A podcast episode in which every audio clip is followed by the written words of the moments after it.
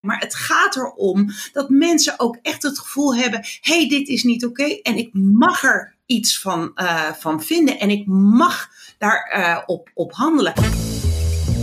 Ik ben Bea Arnoudse, consultant, co-owner van Proof en auteur van twee veranderboeken. En ik ben Charlotte van der Molbaken en ik begeleid al 20 jaar leidinggevenden en organisaties met groepsdynamische vraagstukken. Dit is de HR-podcast van CHRO, HR-praktijk en HR Academy over leiderschap en innovatie in HR. Welkom bij aflevering 90 van de HR-podcast over innovatie en leiderschap in HR. Ik ben Ruud Kouwmans. En ik ben Twan Al. In deze aflevering hebben we het over een onderwerp dat elke organisatie raakt: het creëren van een veilige werkomgeving. Maar hoe doe je dat? Hoe krijg je een goed beeld van waar de knelpunten liggen in jouw organisatie? En welke instrumenten heb je tot je beschikking om effectieve verbeterslagen te maken? Ik ben verheugd om twee experts op dit gebied te verwelkomen. Bea Arnoudsen en Charlotte van der Walbaken. Ze zijn beide docent van de masterclass in vijf stappen naar een veiligere werkomgeving. Die wordt aangeboden bij de HR Academy. Welkom aan tafel, Bea en Charlotte. Ja, Charlotte, wat maakt nou dat een veilige werkomgeving op dit moment zo in de belangstelling staat? Is het een hype of zit daar meer achter? Uh, nou, ik denk dat de laatste tijd door uh, wat al een flink aantal jaar geleden met Me Too, toen Black Lives Matters en, en uh, alles wat er bij The Voice en bij Ajax speelde, dat er steeds meer awareness uh, aan het ontstaan is daarover. En, en ik ben heel erg verheugd dat HR zich ook wel in toenemende mate daarop aan het richten is. Er is vorige week, 21 september, mm -hmm. is er een, een onderzoek gepubliceerd van onder andere Beren Berenschot, mm -hmm. uh, AVAS en Performa onder meer dan 2000 uh, HR-professionals. En ook daar weer uit blijkt dat de toegenomen aandacht voor grensoverschrijdend gedrag uh, dat die echt uh, meer bekendheid krijgt. 49% van, uh, van de ondervraagden die zegt dat ze sinds dat ze er meer bij bekend zijn, hebben gemerkt dat één of meerdere zaken in de organisatie niet lekker zitten. Mm -hmm. En dat vind ik tegelijkertijd ook zorgwekkend, want dat zal er daarvoor ook wel zijn geweest. Maar sinds de toegenomen aandacht heeft HR dus gemerkt dat er één of uh, meerdere zaken in de organisatie niet lekker zitten. Daaruit blijkt ook uit dat onderzoek dat 68% uh, nu wel aan het werk is aan een open en actieve uh, manier om die werkomgeving veiliger te maken. Maar nog niet uh, 100% En uh, ook als je kijkt naar vorig jaar, TNO en CBS, die hebben de nationale enquête over arbeidsomstandigheden gedaan. En daar blijkt uit dat 13,3% te maken heeft met intimidatie, pesten, ongewenste seksuele aandacht, lichamelijk geweld uh, door collega's en leidinggevenden. Mm -hmm. Dus er is al nogal wat uh, aan de hand. Ja, en je zou dus eigenlijk willen dat alle HR-professionals in organisaties in ieder geval hier de handschoen oppakken en ermee aan de slag gaan. Ja, en niet alleen de HR-professionals, maar ook de directie en ook de leidinggevende. Maar het begint naar mijn idee bij de HR-professionals. En waarom begint het juist bij die HR-professionals? Nou, daar wil ik wel iets over zeggen. Tuurlijk begint het bij die HR-professionals, maar uiteindelijk als je een veilige werkomgeving wilt hebben, begint het bij de top. Mm-hmm. Dat is mijn mening. Um, en die top die heeft een cruciale rol. En natuurlijk speelt HR dan een hele belangrijke rol om te, aan te geven, ja, hoe gaan we structureel aandacht besteden aan veiligheid? Hoe zorgen we dat het niet eenmalig na een incident op de agenda komt, maar hoe zorgen we dat het structureel onder de aandacht komt? Ja, dus HR die moet die, die hè, ik zei net, die verantwoordelijkheid die ligt bij HR om zich aan tafel te zetten bij de directie om daar die awareness te gaan, uh, gaan creëren. Ja, precies, want uiteindelijk is die awareness belangrijk om iedereen in de organisatie, vanaf de top tot op de werkvloer, hiervoor in, in beweging te krijgen. Ja, klopt helemaal. En we hebben het nu al een paar keer gehad over veiligheid, hè? maar wat verstaan jullie daar nou precies onder, veiligheid? Ja, je hebt uh, twee hele belangrijke termen daarin. Eén is de psychologische veiligheid en de andere is de sociale veiligheid. De psychologische veiligheid refereer ik onder andere aan het onderzoek van Amy Edmondson. En psychologische veiligheid die behelst Onder andere het gevoel dat je je mening mag geven.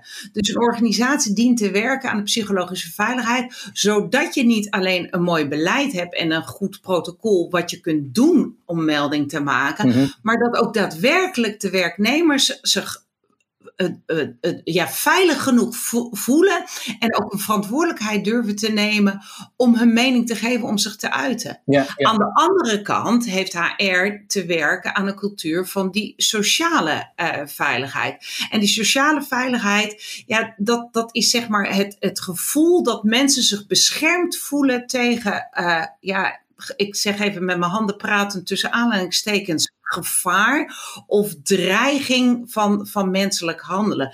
En ook daar heeft HR wat uh, in te, te doen. Ja, en, en nu zie je, hè, we hebben het over uh, uh, veiligheid in de breedte, maar je hebt het over sociale veiligheid. En we kennen natuurlijk ook veiligheid in de zin van bescherming van je lichaam. Um, veiligheid in een, in een omgeving waarin je uh, nou ja, waarin je niet naar beneden mag vallen of door machine uh, geraakt mag worden enzovoort. Hè. Die veiligheid kennen we natuurlijk ook. Uh, en, en daar hebben veel organisaties ook door regelgeving natuurlijk een enorme hoogte bereikt. Um, maar je wilt natuurlijk ook die fysieke en die sociale veiligheid op dat niveau krijgen. Dat klopt, Wan. Uh, en daar zou je juist kunnen kijken, wat kunnen we leren van dat soort van veiligheid? Kijk je naar bijvoorbeeld organisaties in de bouw, zoals BAM, zoals Heijmans, mhm. zoals Dura Vermeer. Mhm. Voor hen staat veiligheid al jaren op nummer één. Um, en zij uh, geven structurele aandacht aan die veiligheid. Niet één keer een mailtje, maar elke dag in your face aandacht voor veiligheid. Ja.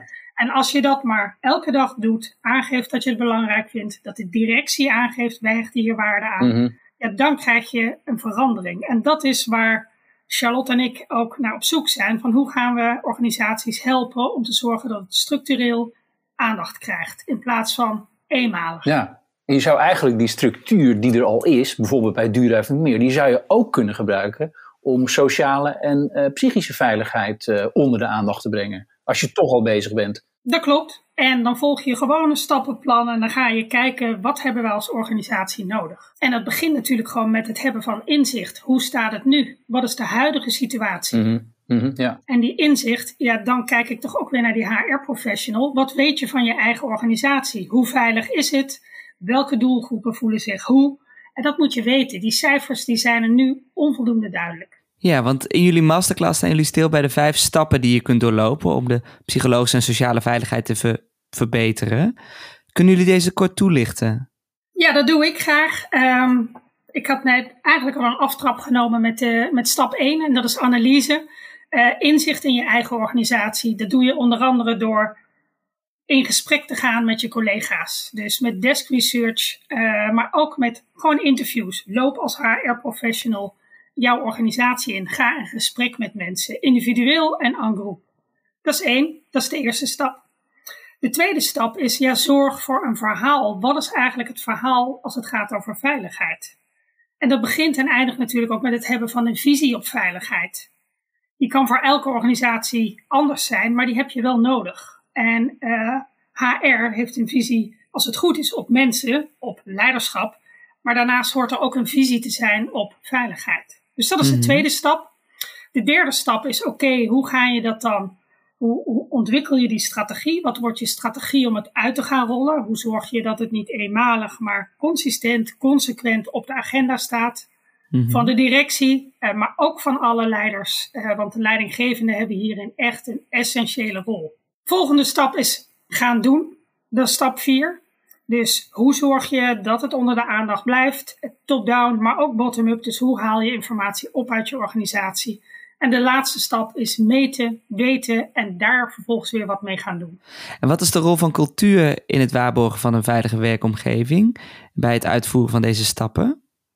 Ja, cultuur is, uh, cultuur is een heel vaag woord, is dat natuurlijk. Mhm. En uh, ik had het net al even over die sociale en psychologische veiligheid. Dat is absoluut onderdeel van die cultuur.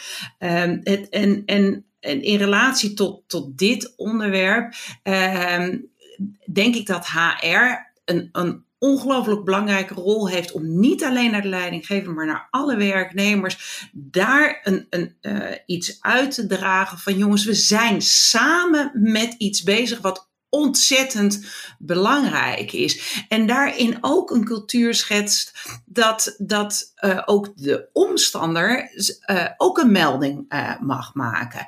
Dat het niet alleen de benadeelde is die een melding mag maken, maar dat ook een omstander die iets ziet gebeuren waar die van denkt van ja, dit voelt voor mij helemaal niet oké. maar wat kan ik hiermee? Wat mag ik hiermee? Dus bij die cultuur hoort ook het outilleren van alle werknemers. Wat heb jij te doen als er iets gebeurt waar je van denkt: hmm, zit niet helemaal uh, lekker. Maar bij cultuur hoort ook bijvoorbeeld dat uh, mensen uh, zich ontwikkelen in een weerbaarheid. He, dat ze zelf ook mondiger durven te zijn. En daar zie je ook weer het verschil met de verschillende generaties die er op dit moment werkzaam zijn en die hun plekje aan het vinden zijn. En we weten natuurlijk allemaal de vooroordelen die er zijn over de millennials. Uh, maar die brengen ook juist heel veel waardevolle dingen mee. En ook HR heeft daarnaar te kijken. Hoe kunnen we die generaties zo goed mogelijk met elkaar laten samenwerken. Om daar een hele mooie cultuur samen neer te zetten. Waar het absoluut evident is. Grensoverschrijdend gedrag, in welke vorm dan ook, dat kan niet. Ja. Nou, je gebruikt nu dat woord uh, cultuur. En ik, ik, ik, terwijl je aan het praten bent, zit ik te denken van... Je hebt aan de ene kant heb je natuurlijk regels, gedragsregels... waar je aan hebt te houden. En aan de andere kant moet je die regels moet je ook cultiveren. Dus je moet ook, als die regels er zijn, moet je ze naleven. En dus op het moment dat het, als het moment daar is om ze na te leven... moet je het ook laten zien. Zodat anderen ook kunnen zien van... oh, zo leven dus die regels na. En, en ja. ik, opeens lijkt er een kwartje bij mij te vallen zo van... het gaat dus om het cultiveren van iets... En daarin hebben leidinggevenden natuurlijk als voorbeeld, in hun voorbeeldrol een belangrijke functie. Maar um, ontbreekt het niet ook vaak aan uh, gedragsvoorschriften of regeltjes? Want ik had bijvoorbeeld uh, een tijdje terug had ik een collega en die maakte een foute opmerking naar een vrouwelijke medewerker. En toen dacht ik van, uh, ja, daar kan ik meteen bovenop springen, maar ik kan er ook een soort van grapje van maken, waardoor hij snapt dat hij iets deed wat niet oké is. En hij reageerde daar ook op. Daardoor wist hij van, hij snapt wat ik bedoel. Dus ik dacht, punt gemaakt. Ja, en mijn antwoord hierop, of mijn reactie hierop is tweeledig. Enerzijds zeg je van, moeten we niet meer voorschriften doen? En ik ben niet zo heel erg fan van alles protocoliseren. Mm Maar er moeten wel hele duidelijke kaders moeten er zijn. En het is, dat is wat je in de bovenstroom kunt doen. Het maken van afspraken en daar het over communiceren en daarover een platform creëren dat het hoor en wederhoor is. Mhm. Over wat spreken we nu met elkaar af. Maar het is ook belangrijk om in die onderstroom te duiken. Wat, wat speelt er nu in de cultuur? Wat, en de onderstroom is dat wat niet wordt gezegd. En die onderstroom, die, daar heeft ook mee te maken van snappen wij allemaal de urgentie, hoe belangrijk het is dat we hier met mm. z'n allen uh, um, alert op zijn en een verantwoordelijkheid in nemen.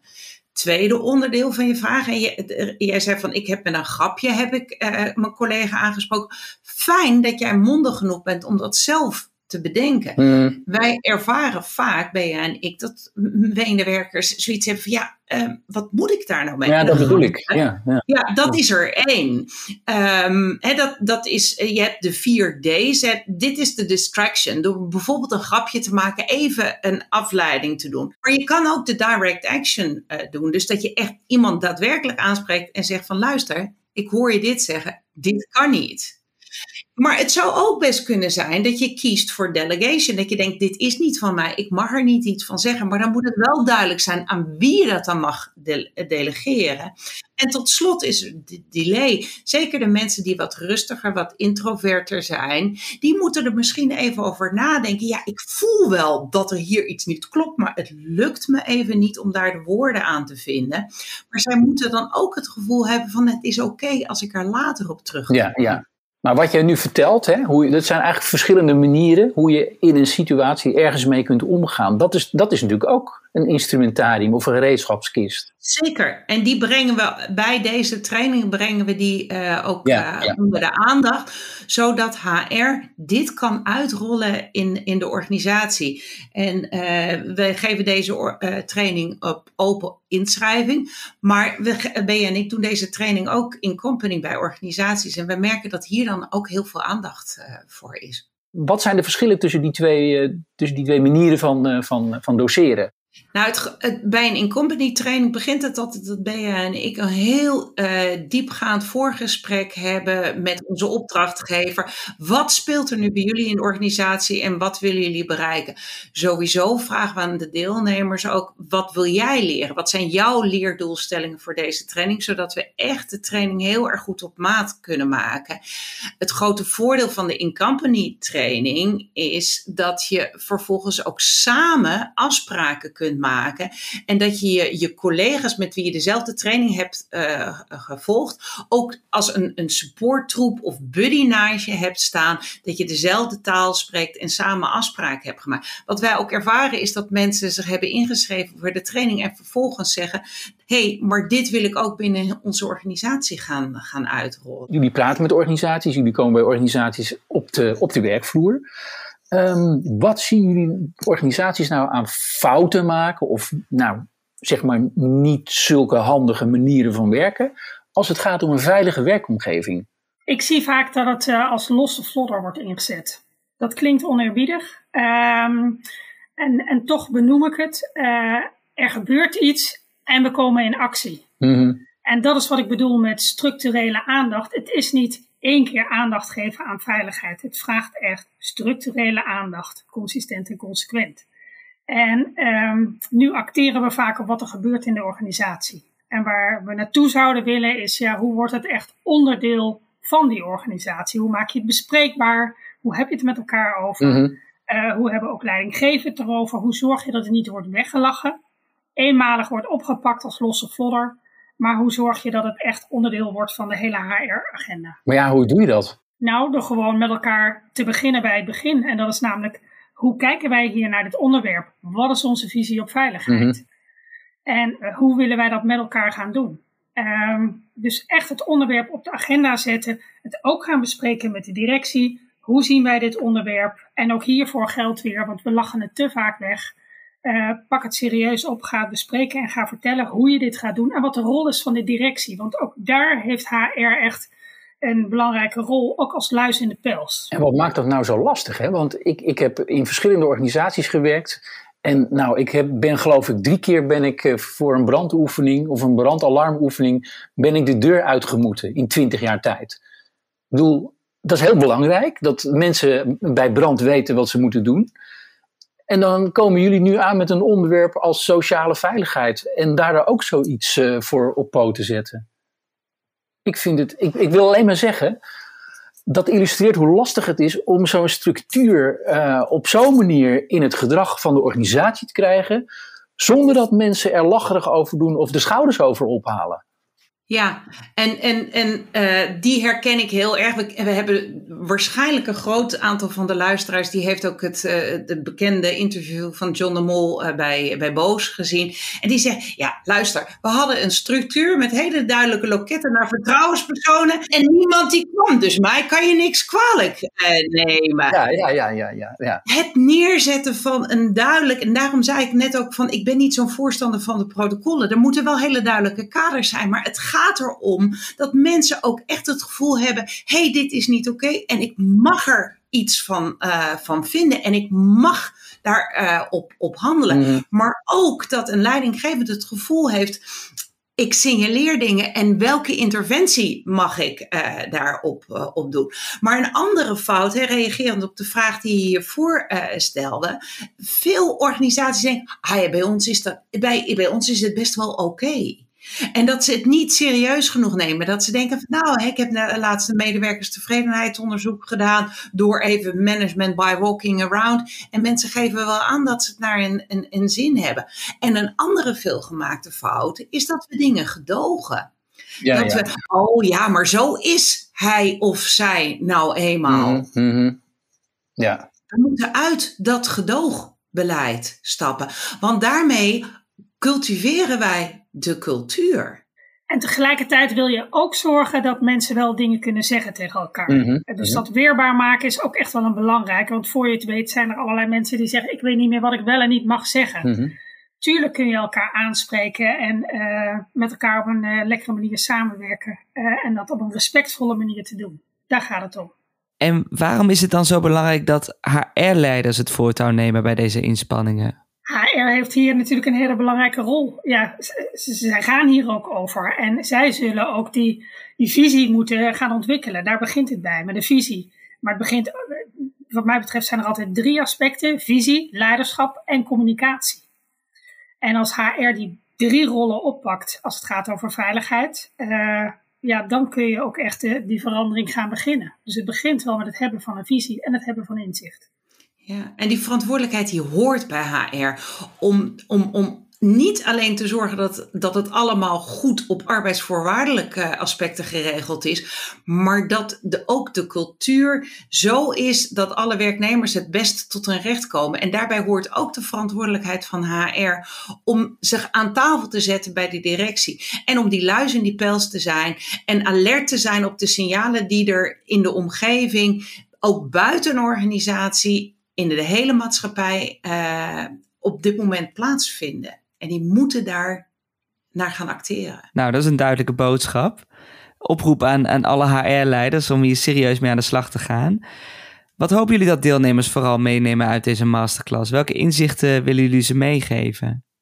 Nou, ik, ik, ik, ik hoop dat ze een aantal hele praktische handvatten meenemen van zaken die ze direct, bij wijze van spreken, de volgende dag kunnen gaan toepassen um, in, in de organisatie. Maar ik hoop ook dat ze voelen en ze gesteund voelen door hun collega's met wie ze de training uh, samen uh, volgen. Dat ze daar ook van elkaar leren en met elkaar ervaringen delen. Dus er zit ook een hele belangrijke component zit er in, in onze training die we geven. Dat ze daar ervaring met elkaar gaan uitwisselen. Waarbij Bea en ik dus handvatten geven, methodieken geven, inzichten geven, tools geven. Uh, en, en ben je met er vijf stappen? Nou, daar kan je beter zelf wat over vertellen. Uh, die vijf stappen aan de ene kant inderdaad ook een aantal eh, bewezen modellen die je kunt gaan inzetten. Maar we, we, combineren theorie en praktijk. Wat Charlotte net al zegt, als HR-medewerker, als HR-directeur, je staat altijd met je poot in de modder. En hoe doe je dat dan? Hoe zorg je voor de juiste aandacht op het juiste moment? Nou, bedankt Bea en Charlotte voor dit uh, verhelderende gesprek. Duidelijke oproep. En voor de luisteraars die meer willen leren over dit onderwerp, adviseer ik om je in te schrijven voor de masterclass in vijf stappen naar een veiligere werkomgeving via de HR Academy. Niet alleen leer je het hoe en waarom van een veilige werkomgeving beter begrijpen, maar je krijgt ook praktische tools en inzichten om de veiligheid in jouw organisatie op de kaart te zetten en vooral te verbeteren. Ga naar hracademy.nl voor meer informatie en om je in te schrijven. Bedankt voor het luisteren en tot de volgende keer.